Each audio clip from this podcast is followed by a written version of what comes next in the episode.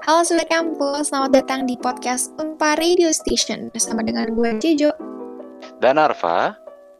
Di acara yang sudah kita tunggu-tunggu bersama yaitu Repot. Resah Podcast.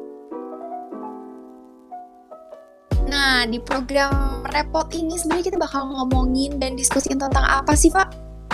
Nah, sekarang tuh kita bakal ngomongin tentang sesuatu yang sebenarnya tentunya meresahkan warga di dunia ini. Iya. apa tuh? Apa tuh? Apa tuh? Nah, kita tuh bakal ngomongin tentang uh, tentang perkembangan teknologi gitu di zaman sekarang sebenarnya. Nah kan uh, kayak yang kita tahu juga kan uh, kehidupan kita tuh sebenarnya nggak bisa lepas dari teknologi gitu, Jay. Sehari-harinya kita pasti uh, bersentuhan dengan teknologi. Bersentuhan, bener Iya, emang kayak di setiap aspek kehidupan kita tuh pasti ada uh, the tech touch gitu, ada ada sentuhan bener. teknologinya dan dan ya, bisa jadi bahkan itu prioritas uh, dalam sehari-harinya juga gitu. Dan hmm. kita bahkan udah sampai di tahap yang uh, mau sebagus apa tempatnya, mau senyaman apa tempatnya, kalau nggak ada wifi itu kagak bisa ngapa-ngapain Bener banget, relate banget gue. Nah, Terus yang lu tahu tentang teknologi itu apa sih sebenarnya di zaman sekarang ini? Kalau misalnya gue dengar tentang teknologi dan media sosial gitu ya, gue tuh langsung bayangnya sama aliran informasi yang bejibun gitu. Hmm. Sebenarnya di satu sih. sisi tuh kayak kita bisa memanfaatkan si teknologi ini buat kita kayak bisa nyari apa pun yang pengen kita ketahuin atau kayak bisa juga uh, kayak buat hal-hal yang sebenarnya berguna bisa bikin tugas kan nggak mungkin ya. Hmm. karena sekarang kita research ke perpustakaan ya masih ada sih. Cuman kan masih sekarang google.com gitu. Nah apa-apa udah udah uh, ke nanya-nanya mbah Google aja gitu kan. Iya kayak walaupun emang ke perpustakaan tuh masih relate juga. Cuman sekarang nih we're talking about the pandemic gitu. The pandemic tuh masih ada yeah. Iya. sekarang khususnya gini ya. Dan uh, apa pergerakan kita juga dibatasin. Mau keluar tuh nggak seleluasa dulu gitu. Bisa uh, ke perpustakaan dengan gampang harus apa. Sekarang bahkan ke perpustakaan aja harus ini nunjukin surat vaksin harus pakai peduli lindungi. Dan iya, itu bener. we're talking about we're talking about teknologi again gitu. Iya teknologi betul, lagi. betul, betul. Nah, banget benar-benar ada di mana-mana nih. Yes. Dan emang berarti uh, kayak yang lu bilang tadi ya gara-gara teknologi ini tuh informasi jadi gampang banget kayaknya untuk di apa ya di serap gitu sama kita. Yang dulu tuh kalau orang-orang zaman dulu mau tahu tentang sesuatu atau uh, info-info terkini itu harus uh, ngobrol sama orang-orang apa uh, di sekitar kehidupan sehari-hari aja. Hmm. Dan sedangkan kita cuma di era sekarang ini tinggal megang HP itu langsung dapat semua itu kabar dari uh, kita bener. di Indonesia dari Arab aja tuh bisa tahu lagi ada apa. Iya, benar-benar gitu. benar banget. Tapi nih Pak, katanya ya, katanya katanya tuh ada juga orang yang berpendapat kalau misalnya aliran informasi yang banyak yang bisa kita akses cuma dengan satu klik doang ini kadang tuh bisa overwhelming juga loh. Untuk oh, dimasukin dalam waktu yang cepet banget gitu. Jadi kayak misalnya uh, misalnya nih ya contoh aja pas dulu awal-awal pandemi gitu.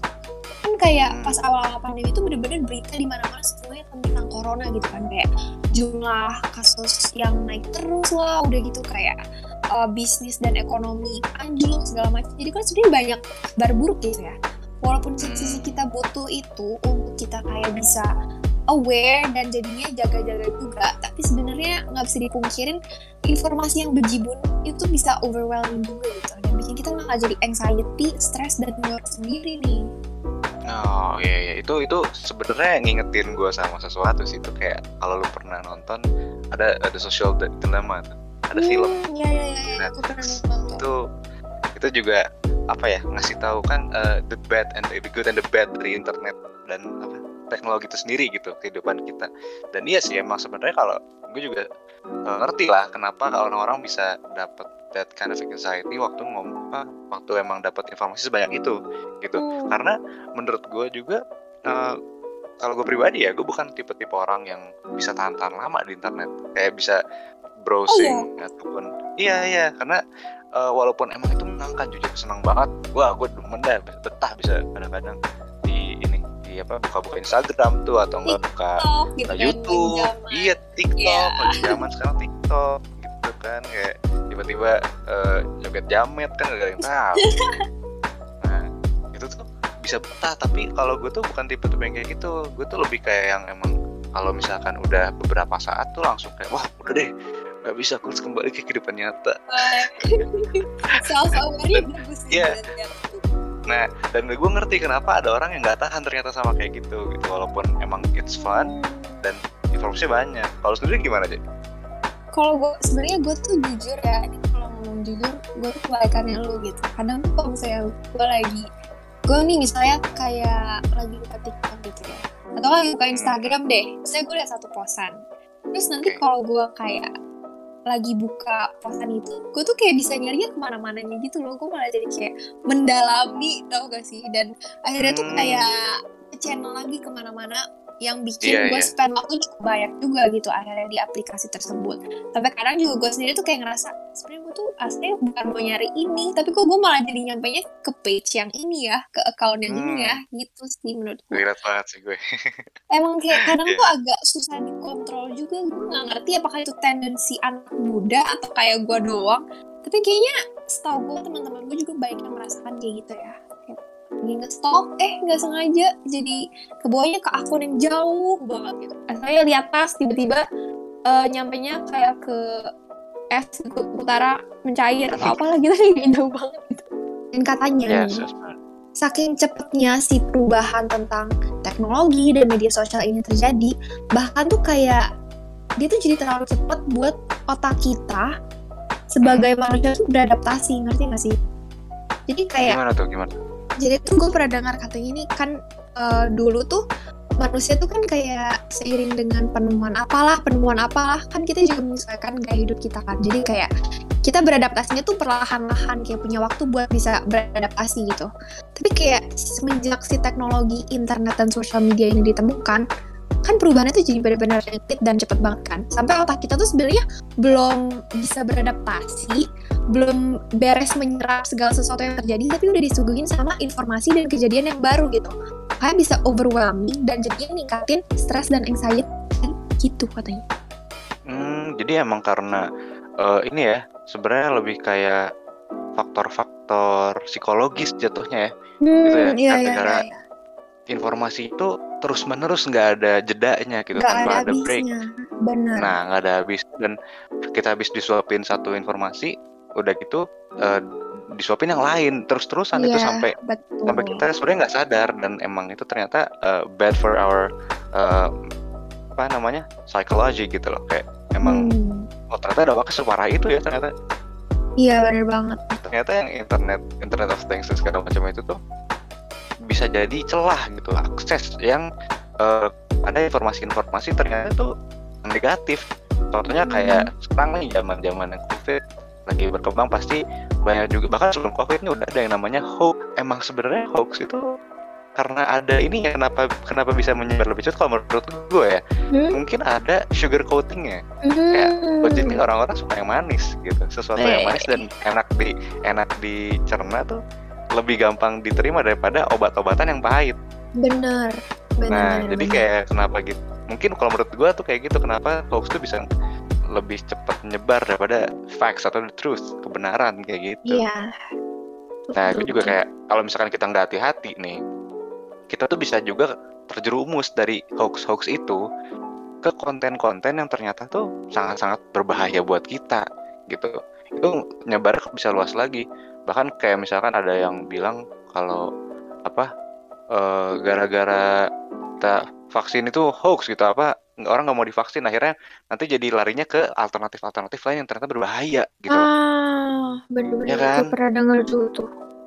harus hati-hati banget makanya kita nih sobat kampus Dan Gitu. mungkin kayak balik lagi sedikit gitu ya tentang social media. Sebenarnya kan tadi kayak kita udah sempat bahas kalau misalnya si perubahan ini tuh cepet banget dan banyak juga sebenarnya false news atau hoax yang uh, tersebar gitu di internet dan social media. Makanya uh, Oke. kalau menurut gue sendiri nih walaupun kayak emang agak susah gitu ya kita untuk melepaskan diri dari teknologi, tapi kita harus pinter-pinter juga buat memilih porsi yang tepat untuk kita mengakses internet, social media dan teknologi ini supaya kayak Hmm, kita ya, juga bisa menjaga diri kita biar kita tuh nggak jadi korban. Setuju banget setuju. Emang karena kalau udah jadi korban tuh pasti penyesalan datang terakhir nggak sih? Iya bener banget. Nah makanya emang harus hati-hati aja. Kita juga kan Iya. sebagai mahasiswa kan juga emang oke kita khususnya mahasiswa gitu ya yang emang Hmm. sehari-hari tuh bersentuhan dengan internet harus hati-hati juga gitu. Nah tapi ngomongin tentang apa karena kita mahasiswa gini juga ternyata internet emang keadaan teknologi dan internet apalagi media sosial gitu itu tuh sebenarnya mm, apa membawa kemudahan banget buat kita terutama lagi ngejalanin kuliah di masa pandemi kayak gini gitu loh Nah, kayak kita sebagai mahasiswa juga kan pasti apa-apa ada di internet. Kalau misalkan mau kelas, kita buka Zoom, buka Google Meet. Terus Hmm. harus ada absen di eh, website Student eh, portal. KM-nya masing-masing. Iya, kalau di Iya. Unpar student portal gitu. Kayak harus ada absen tiap jam segini, jam segini, jam segini gitu. Apalagi kalau misalkan kita eh kalau lagi apa namanya rush hour tuh mau absen ternyata eh, udah telat atau gimana itu kan kadang suka berabe banget. Pasti pernah kayak gitu kan tuh. Pernah. Panik nih, panik. Aduh gimana? Absen UTS lagi, mampus. Nah, apalagi lagi UTS tuh karena itu kalau misalkan udah apa gagal absen berabe males mas ke TU-nya. Iya, bener sama gue juga. Nah itu tuh baru absen. Nah, kita kan juga kan sebagai mahasiswa pasti ngerjain tugas juga kan pasti kagak mungkin diem doang. Iya dong, kalau nggak nggak bisa tiba-tiba lulus graduation kan ya. Pengennya kayak Pengen gitu tapi nggak bisa. Iya. Iya, cuma kayak make di di IG tuh pakai filter yang ada toganya doang tuh kayak "Ih, cocok banget kayak gue kapan lulusnya ya Kapan ya? gitu. Duh cepet lah amin amin Bismillah. Kalau ngerjain tugas kan kita juga sekarang-sekarang nih mungkin orang-orang zaman dulu bisa ke perpustakaan nyari eh, sumber-sumber literasi lah entah itu kalau kita lagi riset lagi apa tapi sekarang kita tinggal mbah Google aja Bener Gitu. banget. ya kan emang kalau kita tahu cara makainya kita tahu cara mengolahnya internet tuh udah bisa jadi senjata banget buat kita Ya, itu bisa jadi hal positif juga bisa jadi senjata juga gitu kalau misalkan eh, kita makanya bener ya mahasiswa contohnya kita eh, browsing browsing tentang eh, riset lah kita cari tentang informasi ini informasi itu tapi Hmm. kalau misalkan lo sadar gitu. Eh, kita tuh sebenarnya bergantung banget loh sama namanya internet. Jadi ketergantungan muncul. Ini konteksnya negatif gitu ya. Gara-gara kita nonton keseringan nonton Hmm. YouTube atau apa itu tuh sebenarnya emang eh, jadi nggak bisa lepas mata kita dari layar gitu. Hmm, bener sih. Nah. Dan kalau misalnya dari gua gitu ya, kayak misalnya eh, lagi ngerjain tugas nih, kan asalnya konteksnya bagus kan ya, akademis, mencari ilmu, Hmm, menuntut oke. pengetahuan. Kayak ngebalik tapi ya yoi. udah. Tapi biasa tuh kayak misalnya kayak eh misalnya lagi browsing di HP, eh bosan buka dulu Instagram deh. Nah, justru browsingnya baru 5 menit, tapi buka Instagram jadi kayak sejam gitu. Jadi bisa jadi distraction juga nih ternyata. ya itu jujur sangat-sangat relate karena emang godaannya itu sangat gede gitu apalagi kalau misalkan kita nemu sesuatu yang eh, fun banget gitu di internet. Yang emang bisa ngedistract kita dari apa yang kita kerjain sebelumnya gitu. Betul. dan kalau misalnya kita udah kayak gitu tuh kan akhirnya eh, terlena kan sama sama apa namanya eh, internet kan. Kita terlena sama yang kita tonton lah yang kita apa. Bahasan bahasan awal kita tuh jadi nggak ke mana-mana. Giliran udah mendekati deadline deadline nih. Nah Hmm. kita biasanya iya kita ten tuh apa eh, cenderung berbuat kecurangan akhirnya Waduh. kita jadi jalan, jalan pintas untuk ngecover eh, yang kita pakai buat procrastinate tadi gitu Kepepet. Nah, apalagi kalau ya nggak ngerasa kan, apalagi kalau misalkan kita orang mahasiswa HI gitu, kan kerjaan bikin paper, bikin paper, bikin paper. Nah itu kan sangat-sangat dibutuhin yang namanya originalitas gitu. Iya, Kalau kita iya. ngerjain tugas, nah pas kita lagi ke distract tuh, ke distract, ke distract, lagi ngerjain asik-asik, nah tiba-tiba pas kita tahu, wah ternyata udah mepet nih.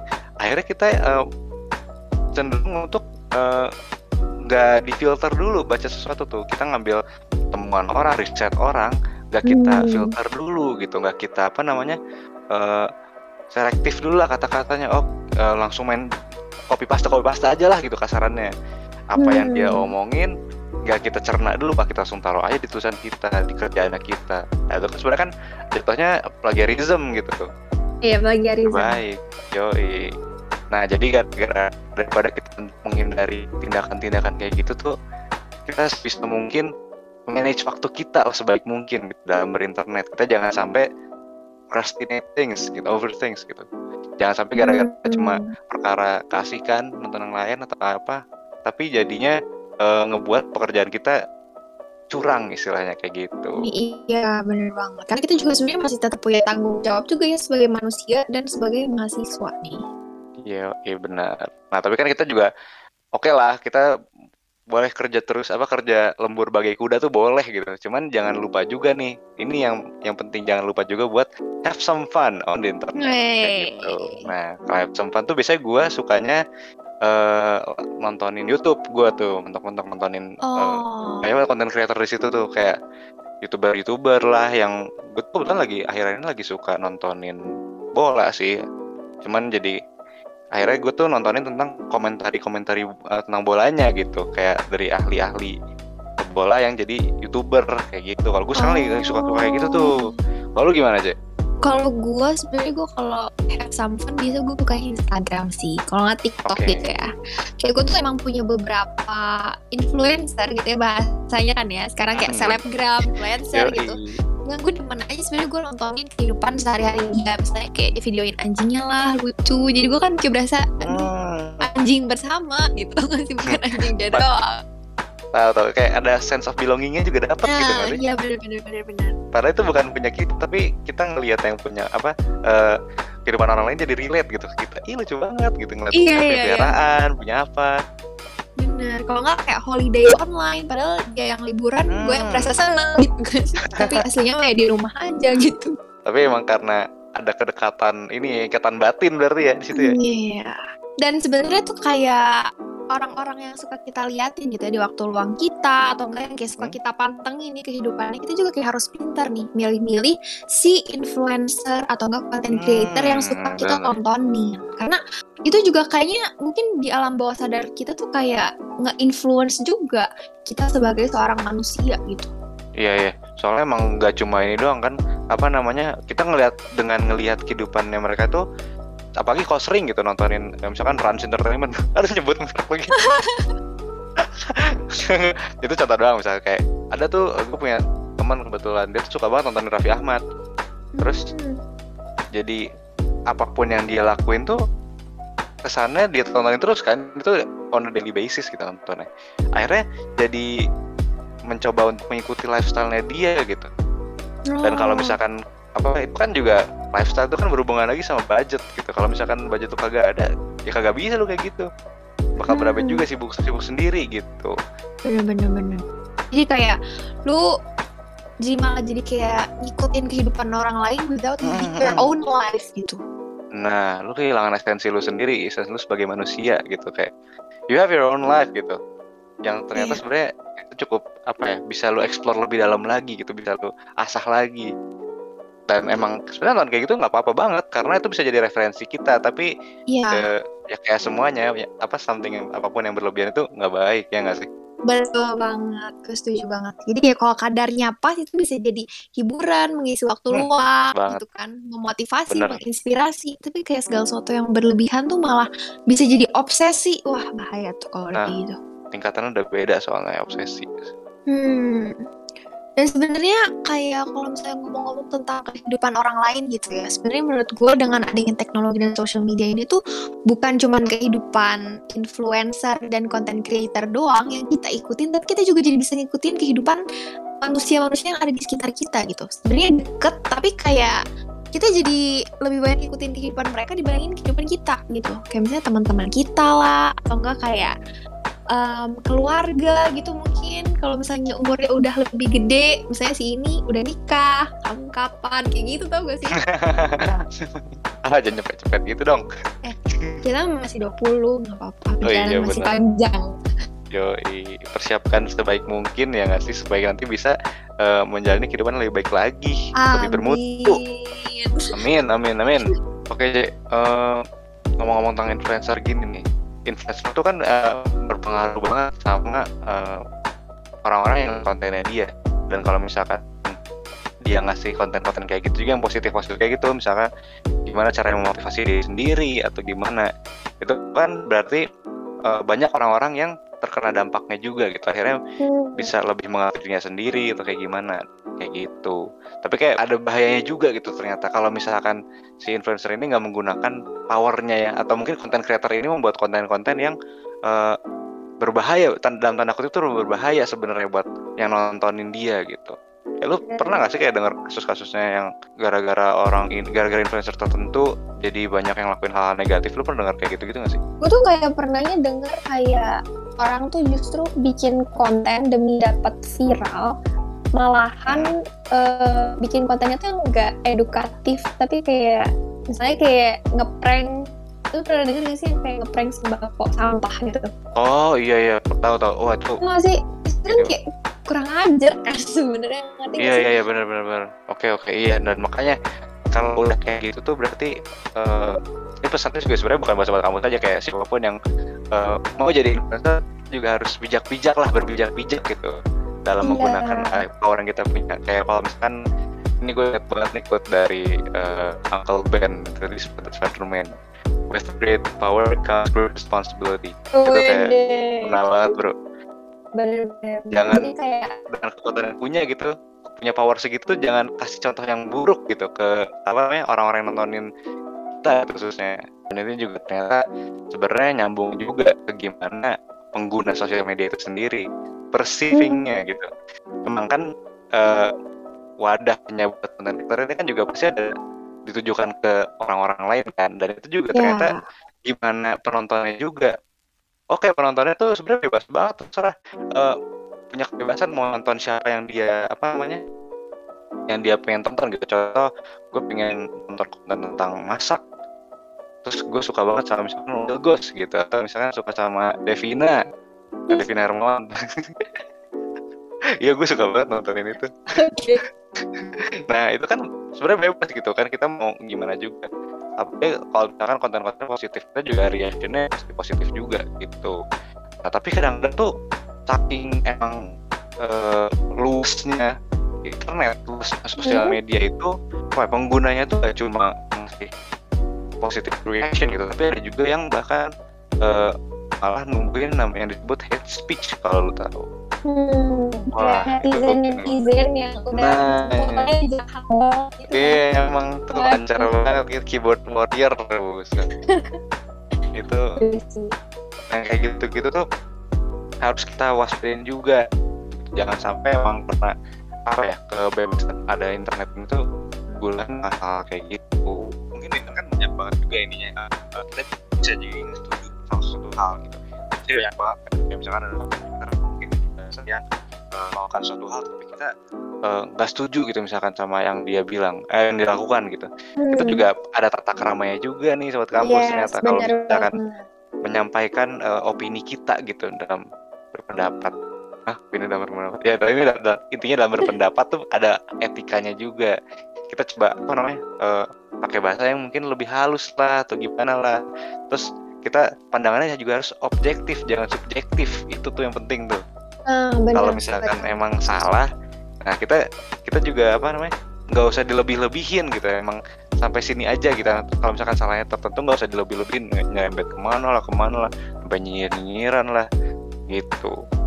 Karena gue suka kasihan sama konten creator konten creator yang habis bikin sesuatu misalkan bikin eh, entah itu konten apa musik atau mungkin eh, fotografi atau kayak gimana tapi karena dinyinyirin orang. Ah, itu tuh yang kadang-kadang gue nggak demen yang kadang suka kasihan sebenarnya dan itu nyambungnya kayak yang pertama kita bahas kenal orang dari detox dari sosial media. Dan maksudnya kita juga nggak boleh lupa gitu walaupun kita berlintas di dunia maya dan kita nggak ber bertanggung sama side gitu.